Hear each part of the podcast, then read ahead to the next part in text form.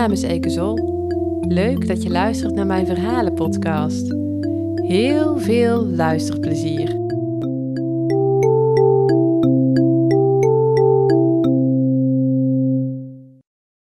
Wolkenwals. Ze was het helemaal niet van plan geweest. Lucifer, haar kat, zat bij de keukendeur ongeduldig met zijn staart te zwiepen. Toen ze de deur voor hem opende, lokte de zoete geur van bloesem haar naar buiten. Een merel vloog weg. Hij had een worm gevangen en bracht het nu naar het nest in de heg. De jonge vogeltjes piepten.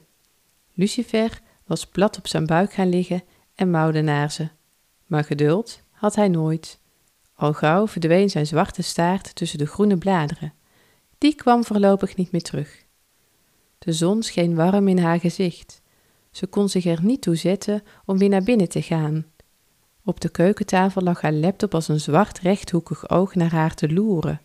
Een hol oog dat, als het scherm eenmaal was opengeklapt, haar helemaal zou leegzuigen. Gisteren had ze wel vijf afwijzingen in haar mail gekregen. Wat was er toch mis met haar cv? Stelde al die kennis en werkervaring van de afgelopen jaren dan helemaal niets voor? Boventallig was ze geweest, maar nu geen enkel bedrijf haar uitnodigde voor een gesprek, begon ze daaraan te twijfelen. Haar baas had gewoon van haar af willen zijn. Ze zat nu al maanden thuis en het leek wel alsof iedereen die ze sprak haar nog meer wilde ontmoedigen.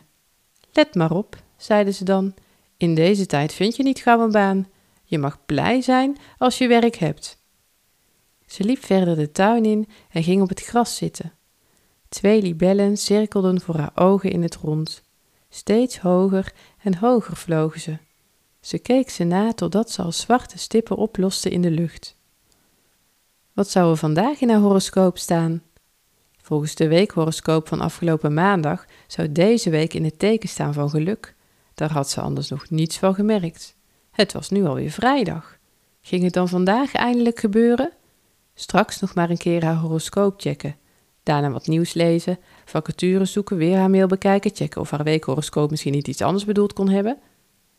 Gisteren las ze een verhaal over een vrouw die niet meer rond kon komen, in een caravan was gaan wonen en iedere week naar de voedselbank moest. Wat zou dat kosten, een caravan huren? Haar handen aaiden het gras dat zacht en koel aanvoelde onder haar handpalmen. Ze ging op haar rug liggen. Grassprieten prikten in haar nek. En toen zag ze het. De wolken. Ze bewogen niet. Althans, zo leek het.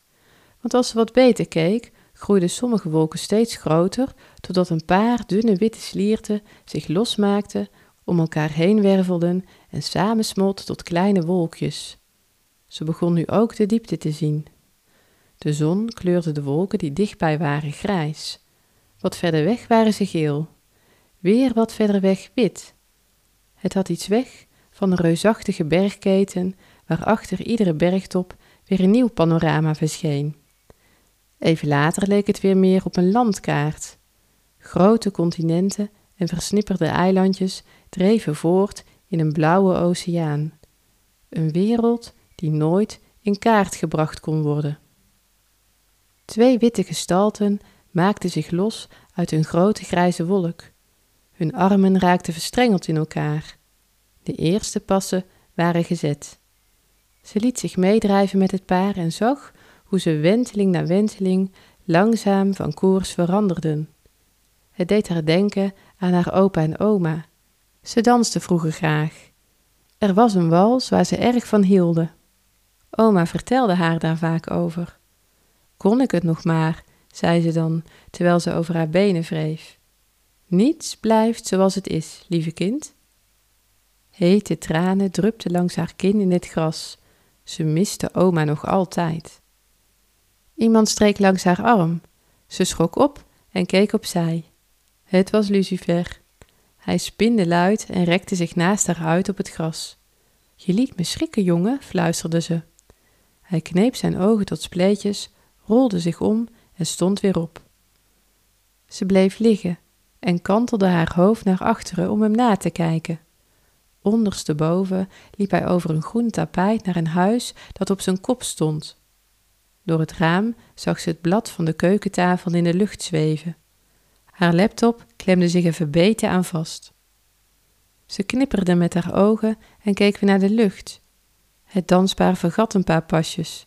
Ze struikelden, lieten elkaar los en smolten weg in een langwerpig wolkenschip dat over haar heen voer.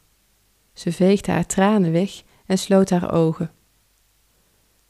Toen ze haar ogen weer opende, waaierden er witte vlokken uit over een hemel die al wat donkerder kleurde.